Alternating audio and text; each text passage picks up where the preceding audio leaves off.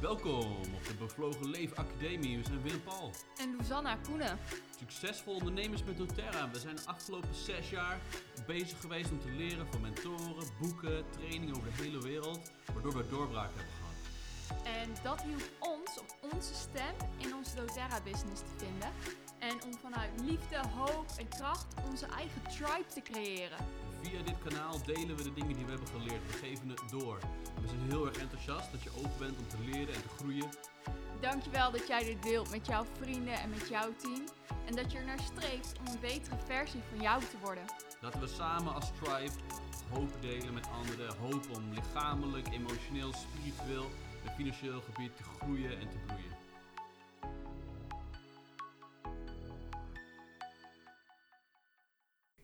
Ja, welkom. We hebben weer een podcast. En Daar zijn we dan. Ja. Bevlogen leven. En we zijn echt super enthousiast over het onderwerp wat we gaan delen. Want we hebben er de afgelopen weken zoveel over gesproken met elkaar. Ja, het is echt een rode draad voor, door ons leven, maar ook in onze doTERRA journey. En het heeft heel erg geholpen om uitdagingen te gebruiken voor je groei. En eh, je daar niet een slachtoffer in te voelen. Eh, natuurlijk voel je soms slachtoffergevoelens. Maar te zorgen dat je er eh, als een soort van, ja, eh, dat je erdoor gaat groeien. Zodat je er gaat voelen dat je er rechtop tegenover kan staan. En dat is een heel prettig gevoel. Dus deze reeks is eh, eigenlijk een soort de top 10 reeks. We kunnen hem de groeireeks noemen, we kunnen hem de Game of Growth noemen. Maar het gaat erom dingen die Luce en ik heel erg hebben geholpen. Of het nou uit boeken, mentoren, wat dan ook hebben geleerd. En die, die we niet zo snel zouden horen van onze partner of onze directe upline. Maar die we echt eh, hebben moeten vinden, onze golden nuggets onderweg. En eh, die delen we met je. En We denk, hopen dat het jou kan dienen. Ja, en ik denk dat die van, we- van deze week echt eh, nou ja, een golden nugget, echt een hele goede golden nugget is. Ik denk, het is iets wat we veel zien gebeuren, veel hebben mogen ervaren. En deze komt uit een heel goed boek. Ja, het boek heet de, de Obstacle is the Way van Ryan Holiday. En eh, mijn boekengoeroe is Christian Noot. Hij eh, raadt altijd boeken aan die, eh, die ik dan een tijdje laat liggen. En dan in één keer oppak en denk, ah, holy crap, die had ik echt eerder moeten lezen. Dus the Way is absoluut een aanrader. Het is alweer een tijdje geleden. Waarom ik dat zeg, is dat het, dit is niet een eh, samenvatting van het boek wat we nu gaan vertellen. Maar eigenlijk dingen die we hebben herkend, eh, die waar we wat aan hebben gehad uit het boek. En eh, het is absoluut een aanrader om het zelf te lezen. The Obstacle is the Way is echt ongelooflijk vet. Dus de obstakel is de weg, daar gaat het over. Dus we hebben eerst wel eigen verhaal om te delen. En het heeft vooral mee te maken dat we hebben triggers meegemaakt, waardoor we bijna verlamd werden. Dus triggers die ons eigenlijk bijna platlegden. En ik denk, met triggers bedoel je dingen die gebeurden. Dingen die gebeurden door anderen of gewoon in ons leven. En dingen die ons platlegden waarvan we echt dachten, hebba, dit is echt stom. Of Nu- hebba, dit vind ik zo vervelend of dit is zo pijnlijk, ik wil hiervan weglopen. Nu ga ik onder mijn teken liggen en ik kom er niet meer onder vandaan. Nee, ik ga me in mijn mancave verstoppen of ik ga onder het gras verstoppen. Of ik wil weglopen van die personen die me triggeren. Want het is zo pijnlijk dat ik erdoor wegkwijn, zeg maar. Dus er zijn dingen die ons best wel raken. En ik denk iedereen heeft wel een vorm van iets. Waar we van we kunnen voelen van, hebba, waarom ik nou weer? Eh, en soms gaat ook alles dan tegelijk. Komen dingen dan tegelijk alsof het leven door heeft dat, eh, dat je getest wordt. Tony Robbins zegt eigenlijk, eh, en Tony zegt niet de goeroe van alles hoor, maar dit is van een vette. Hij zegt, life doesn't happen to you, life happens for you. Oftewel, het leven overkomt je niet, maar het leven gebeurt in je, voor jouw bestwil. En in onze doTERRA-reis ehm, kwamen we op een gegeven moment op een punt dat, eh, dat we heel druk bezig waren. En ik ga echt niet zeggen dat wij perfect zijn of zo, dus dat wil ik ook meteen vooraf zeggen. Ehm, maar dat een aantal mensen waarmee wij werkten onwijs negatief over ons werden. En eigenlijk tegen ons zeiden, ja, jullie zijn niet eerlijk, jullie doen het verkeerd, jullie zijn niet goed als mens. En nogmaals, het is niet denk ik super uniek. Ik denk dat iedereen die een grotere, als je werkt met een organisatie, ik weet niet of je luistert of je ook doTERRA doet, maar als je te maken hebt met een grotere groep mensen, dan gaan er mensen dingen op je spiegelen. En eh, we gaan daar niet verder op in wat dat betekent. Maar als je met mensen werkt, dan zul je op een gegeven moment dingen hebben dat er dingen eh, worden bij je getriggerd en geraakt. Absoluut. En ik denk wat je ook gaat hebben is dat zodra jij echt opstaat om dingen te doen en dingen groots aan wil pakken, dan zullen mensen daar altijd een mening over Ja, hebben. je wordt zichtbaar, weet je. En als je zichtbaar wordt, dan raakt het ook iets bij hun, toch? Ja, precies. simpel gezegd, Mm. hoge bomen vangen veel wind. En dat Ja, is zo'n ja. lekker Nederlands spreekwoord, maar hij klopt. En dit was wat er bij ons gebeurde. Wij waren eigenlijk vol ingegaan. We deden dingen anders dan wat we gewend waren. En eh, deze mensen hadden een andere visie op hoe jij je organisatie hoorde te bouwen. En die triggerde mij enorm. Ik weet dat Willem Paul en ik, we, we hebben er avonden over gesproken met elkaar, slapeloze nachten van gehad. Dat mensen ons slecht vonden of niet goed vonden. Dat daarmee en ik heb heel erg ehm, lopen reflecteren van, wat doe ik dan verkeerd? Ben ik dan echt slecht? Ben ik dan echt niet eerlijk? Ben ik dan echt fout? Dus die, die, die triggers, zeg maar, die kunnen er ook voor zorgen dat wanneer je voelt dat het jou overkomt, dan kun je er eigenlijk wisselende soort swi- mood swing-achtige emoties door krijgen. Van een klein kindje die voelt van er is me wat aangedaan, ik ben zielig, ik ga in een hoekje kruipen.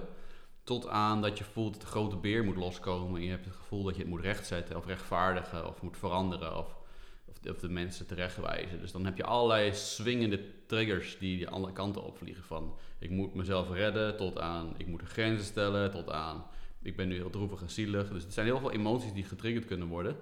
En als je nog voelt van ik ben slachtoffer, dan heb je ook altijd het gevoel dat het buiten jou ligt. Dus dat is, het dat is eigenlijk het fiets. grootste probleem van deze dingen ervaren als een slachtoffer. Het grootste probleem is niet dat, ik, dat wij of anderen een oordeel over hebben dat je dan een slachtoffer bent. Of denkt te zijn. Het grootste probleem is dat je je invloed helemaal kwijtraakt.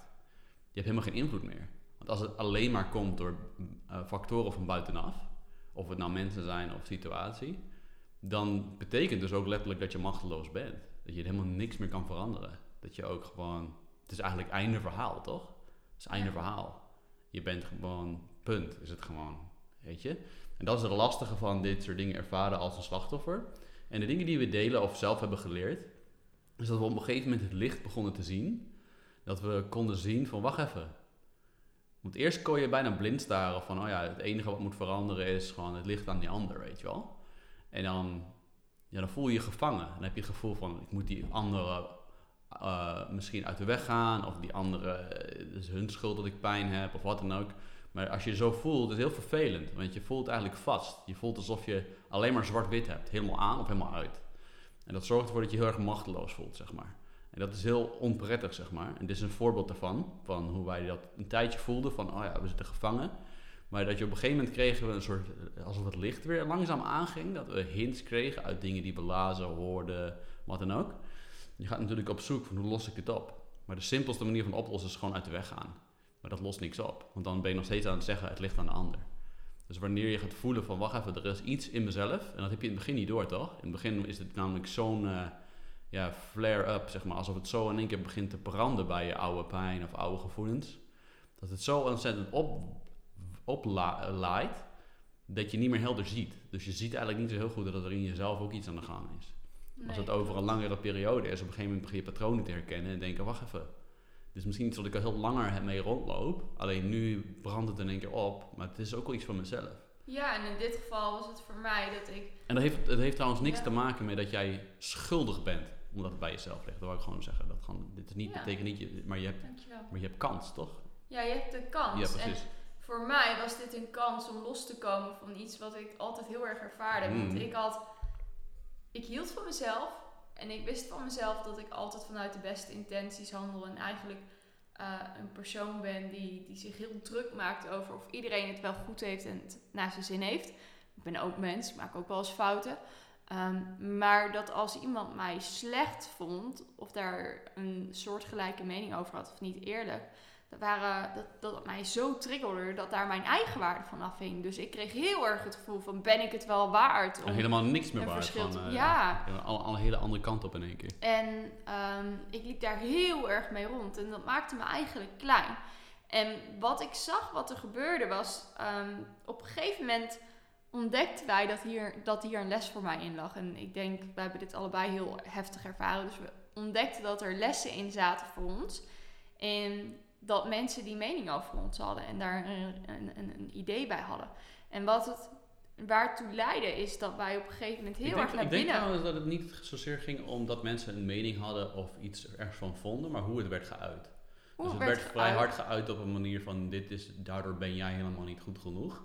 En dat was het, vooral hetgene wat ons binnenklapte, toch? Het was meer de vorm, die klapte, daardoor klapten we er maar in. Ik denk de vorm kwam binnen. En ik denk ook voor mij, als ik voor mezelf spreek, wat bij mij ook binnenkwam, was dat ik uh, absoluut een, ehm, de mening van anderen soms heel erg hoog had staan. Dus wat er gebeurde was dat ik op een gegeven moment heel vaak werd uitgenodigd om voor mezelf te checken van oké, dit is de feedback die ik krijg, vrij heftig. Um, maar hoe zie ik mezelf? En hmm. ben ik ook echt zo? En het leidde tot een pad wat mij hielp om eigenlijk te kijken naar wat is allemaal oud zeer wat ik in het hmm. verleden heb meegemaakt. Ik weet nog wel dat ik in een rij stond als een jong meisje um, op mijn basisschool. Volgens mij ging ik net naar groep 6 in de meeste klassen. Is dat volgens mij groep. Nee, niet groep 6, groep, groep 3 is het geweest, zeg maar. Klas 1, want ik zat op de vrijschool. En dat ik daar in de rij stond. En dat een vrouw heel boos op mij werd. En dat ik echt zoiets had van, wat heb ik gedaan? En dat ze zei, ja, jij was aan het vorderingen. En ik had helemaal geen idee dat ik ook maar een idee van vorderingen had kunnen geven aan iemand. Het was een volwassen vrouw. En ik weet dat ik dat als kind zo erg mee heb gedragen dat ik nu nog terug kan gaan naar waar het was in het schoolgebouw en dat soort dingen. Want die mening van anderen waren voor mij zo belangrijk. Ehm, dat ik daar de bevestiging in kreeg dat ik goed was. En dat als iemand daarin twijfelde, dat ik ook heel erg in twijfel aan wie ik was. En deze uitdaging leerde mij vertrouwen op mezelf. En pas op het moment dat ik kon zien dat hier een les in zat en dat dit niet gebeurde om mij te pesten of om mij te treiteren of om mij het leven zuur te maken, maar dat dit een uitnodiging was van het leven om echt naar mezelf te kijken en vertrouwen in mezelf te krijgen. Dat was het moment dat er iets begon te veranderen intern. Dat was het moment dat ik merkte dat ik meer zelfvertrouwen begon te krijgen en meer naar mezelf begon te meer uh, met mezelf kon connecten om te zien wie ik was en wat mijn waarheid was, uh, dan dat ik ooit daarvoor had gedaan. Dus eigenlijk merkte ik dat die uitdaging voor mij de deur was naar een nieuw niveau van vrijheid. Zelfacceptatie, zelfliefde. Zelfacceptatie, zelfliefde, zelfvertrouwen, maar ook gewoon de vrijheid om te geloven dat ik niet bang hoefde te zijn dat dingen verkeerd gingen. Want dingen zouden nooit perfect gaan. boven je hoofd, zeg maar. Ja, het zwaard boven mijn hoofd ging weg door wat ik meemaakte. Doordat wij zo getriggerd werden door een aantal mensen in ons team. Dat ik moest dat zwaard aankijken. Ik moest kijken, waar komt dit vandaan? Wat wil ik met deze gevoelens? Hoe wil ik daarmee omgaan? Ehm, ik moest leren om daarmee om te gaan. Ik moest ook leren vergeven. En ik moest leren mezelf omarmen. Ja, ja precies. Ja, superkrachtig superkrachtig. En uh, ik heb dat in die reis uh, soortgelijke dingen meegemaakt. En uh, voor mij was de uitdaging om niet zwart-wit te worden. Want het is heel makkelijk dat als je kritiek hebt waarvan je vindt van dat is eigenlijk niet, ja, hoezo, weet je wel. Om alle, om alle feedback die daarin verpakt zit uit het raam te flikkeren. Terwijl er ook altijd dingen zijn waar je wel wat mee kan. Dus het is zeg maar een soort van soort grijze, grijs gebied tussen te ontvankelijk en alles maar absorberen wat anderen zeggen. Of helemaal ongevoelig worden en eigenlijk arrogant van iedereen snapt mij niet en uh, iedereen heeft een oordeel, want ik ben dit of ik ben dat. Of mensen zijn meteen een stempel geven dat anderen gewoon jaloers zijn en dan maar alles weggooien wat iemand zegt. Want dan word je heel erg, dan word je, dat is een heel gevaarlijke plek om te zijn, want dan ga je niet meer feedback kunnen horen of verdragen en dan ga je ook niet meer leren van anderen. Dus het is heel moeilijk om in die middengebied te zijn waar je wel hoort, maar er niet helemaal door krimpt of het helemaal inhaleert. Dus dat je er wel aan kan snuffelen, het wel kan bekijken, er dingen van kan pakken waarvan je voelt, oh ja, wacht, hier kan ik wel mee. En uh, ook sommige dingen langs je heen te laten glijden waarvan je op dat moment voelt dat is van de ander. dat is super lastig natuurlijk, want soms kun je iets zeggen, oh, dat is van de ander, terwijl het eigenlijk wel van jou is om iets mee te doen. Dus dat is nooit een soort zwart-wit ding. Je kan er niet op eh, altijd maar ene oor in, andere oor uit laten gaan, want dan ben je heel kwetsbaar als je dat doet. Dus uh, dat is denk ik iets wat super krachtig was voor mij. En één ding wat ik had, uh, we waren op een event in Florida. En op dat event uh, werd er iemand, vertelde tussen presentaties door, hoorde ik iemand zeggen. Ik weet niet eens meer waar het helemaal over ging. Maar iemand zei, je kunt nooit afgewezen worden als je jezelf ook niet afwijst. Dus je kan alleen maar afgewezen worden in de mate dat je jezelf ook afwijst. dat was mijn eerste sleutel van vrijheid die ik ontdekte. Dat ik dacht van, holy crap man, als ik iets fout doe, dan sla ik mezelf helemaal in elkaar. Dus als iemand anders mij ergens aanraakt, dan vervolgens komt er een golfbeweging dat ik voel wat ik mezelf eigenlijk aandoe. Dus mensen kunnen je eigenlijk alleen maar echt raken hoe jij jezelf ook raakt.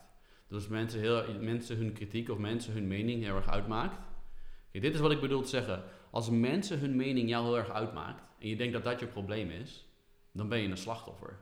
Want dan heb je het gevoel dat het aan die mensen ligt. Maar als je voelt, wacht even, die mensen hun kritiek raakt mij, want ik ben heel erg kritisch op mezelf, dan heb je invloed. Want dan weet je, ik kan aan de slag met hoe ik mezelf accepteer. Dan kan je daar hulp, coaching, therapie of hoe je het ook maar wil noemen, kan je mee aan de slag gaan om, om jezelf meer te accepteren. Om meer liefhebbend voor jezelf te zijn. Om jezelf minder af te schrijven op bepaalde termen. En dan gaat, wat het gevolg is, is dat andere mensen dus niet meer zo gaan triggeren. Dus dan voel je ook niet meer een slachtoffer mensen, maar dan kan je bijna... Dit is eigenlijk een boeddhistisch gezegde. Ik heb vroeger heel veel over boeddhisme gestudeerd. Zo krachtig. Die Dalai Lama zegt, je moet je vijand bedanken, want die laat zien waar nog een wondje zit onder jouw uh, wapenuitrusting. Dus onder je harnas. Want we hebben allemaal wondjes die we zelf niet meer weten. Maar onze tussenhaakjes vijand, klinkt een beetje sterk, maar degene die jou triggert, laten we het zo noemen. Diegene moet je bedanken, want die laat zien dat er een wondje zit, wat je zelf verborgen had of niet meer wist dat er was.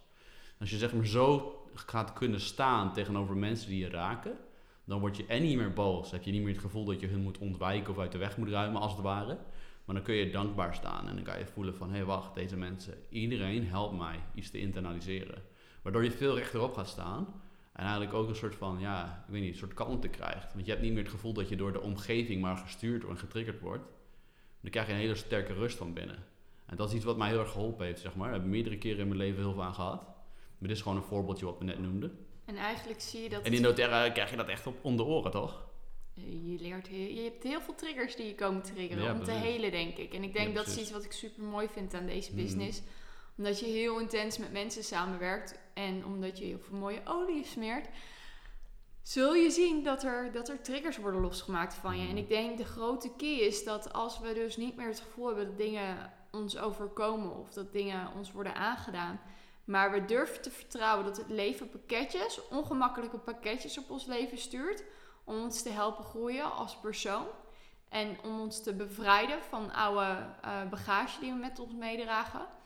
Dan ehm, ga je dingen een ander daglicht zien. En dat hmm. betekent ook dat doordat er een andere waarde aan een uitdaging wordt gehangen, een uitdaging makkelijker verdragen wordt. en dat we daar anders, ja, en dat we anders gaan reageren op die uitdaging. Mhm.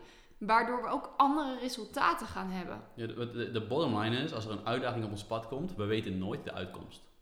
We weten nooit op wat voor manier het ook een goede werking voor ons gaat zijn, toch? Hmm. Dus wat jij zegt is ook dat we doordat we vertrouwen krijgen, weten we, uiteindelijk gaat er iets goeds uit het pakketje komen.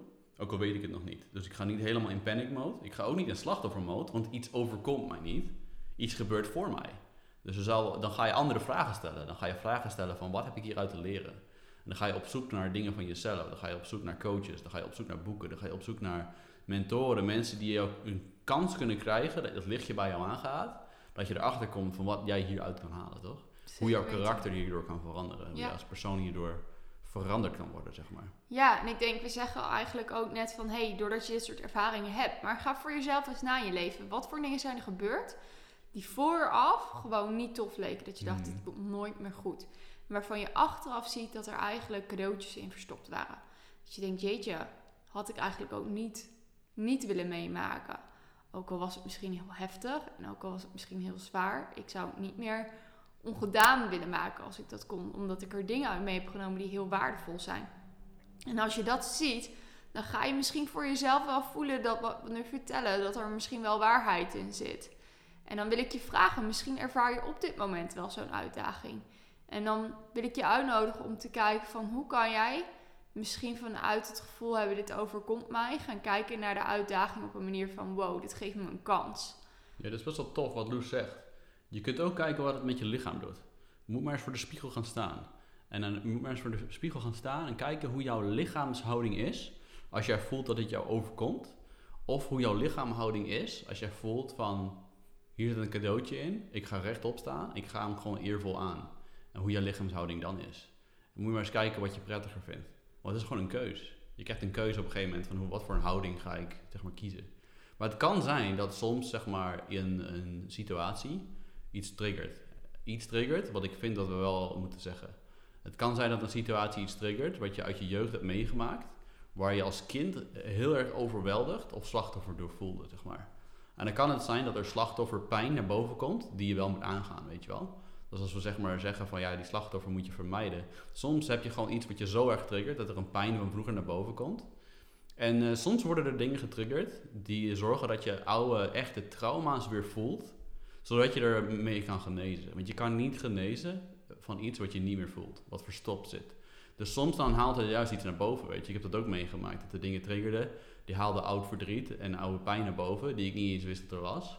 Waardoor ik weer eigenlijk voelde zoals toen, weet je wel. En dan voel je je erg overweldigd, voel je ook schaamte, weet je wel. Dan voel je, denk ik, ik ben gewoon volwassen man. Hoezo voel ik me in één keer zo opdroevig of uh, angstig of boos? En dan is het uh, heel erg belangrijk om daar geen oordeel over te hebben, wat echt super moeilijk is. Maar vaak gaan we onszelf eerst oordelen en denken, wat ben ik voor een droeftoeter? Of uh, doe even een beetje positief. Of als je te veel Tony luistert, dan denk je echt, hé, hey, tjaka tjaka, ik moet weer gaan blij zijn. Maar dat het oké is, dat je soms moet je wel door een fase heen, dat het oké is dat er iets wordt opengepeld, waardoor je je gebroken voelt, zeg maar. Dat je daar geen schaamte voor voelt. En dat je dan vervolgens daar hulp bij zoekt. Want dat is eigenlijk altijd de optie, zeg maar, de enige optie op dat moment. Maar dat er dus, er zullen soms situaties zijn, dat ook al weet je in je kop, hier gaat iets goeds er komen, dat er emoties loskomen die helemaal niet daar op die lijn, lijn zitten, zeg maar. Hmm. Maar dan is het zeg maar, ja, dan kun je er een, een, laagje bovenop gooien door je daar dan weer een slachtoffer over te voelen. Maar je kunt ook kiezen van ik ga hulp zoeken, ik ga er wat van maken, weet je wel. Ook al weet je nog niet wat de uitkomst is.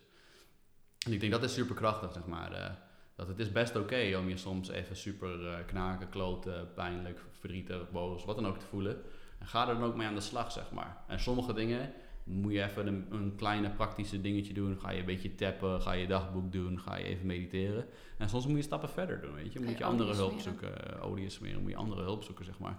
En um, dus dat is denk ik wel iets wat, uh, wat wij hebben meegemaakt zelf. Dus de obstacles, the way is absoluut de filosofie waar we mee leven. En wat wij in deze business ook zien, want doTERRA is een katalysator voor groei. Hij zorgt er gewoon voor dat je groei versnelt. Doordat je mensen om je heen hebt die je triggeren. En doordat je olie smeert, die zorgt dat je dingen meer voelt. En daarmee kan je aan de slag gaan. Maar dat betekent niet dat als er iets op je pad komt, jou automatisch daardoor verandert. Jouw houding daarop en hoe je daarmee handelt, zorgt ervoor of je er wel door groeit of er misschien helemaal vast door raakt. Dus dat is een beetje wat wij hebben gemerkt door dingen die we zien, dingen die we zelf hebben meegemaakt. Die we, ja, it's, it's not pretty, maar dit is wel waarvoor we hier zijn, man, om te groeien. Dus dat is, uh, dat is de proces, denk ik. En dat is misschien ook wel misschien is het niet pretty en aan de andere kant is het ook pretty. Ja, door de niet, niet perfectheid, toch? Ja, ja doordat het leven ons die cadeautjes geeft om te groeien en om te ontwikkelen. Ik denk, we zijn er niet om stil te staan. Nee, als we gaan stilstaan, dan gaat het universum dingen doen om, om ons weer te los te shaken. Dus er is een soort wet die dat ervoor zorgt dat we altijd in beweging komen. En als we zelf onszelf onder een rots gaan verstoppen, dan heeft het universum wel een manier om ons er onderuit te halen. Maar uh, ik denk dat is mooi. En dat is de, een deel van onze doTERRA-reis. Of je nou wel of geen doTERRA doet, maar uh, het gaat om groeien, ontwikkelen. En dat doe je met elkaar. Je kan dat niet alleen. Dat is wel mooi, denk ik.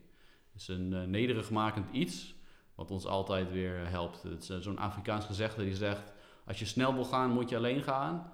Maar als je wil ver gaan of ver komen, moet je het samen doen. Dus ik denk dat is een mooie manier om een beetje af te ronden, toch? Zeker weten. Dank jullie wel. Thanks voor het luisteren en tot de volgende keer bij deze podcast. Later!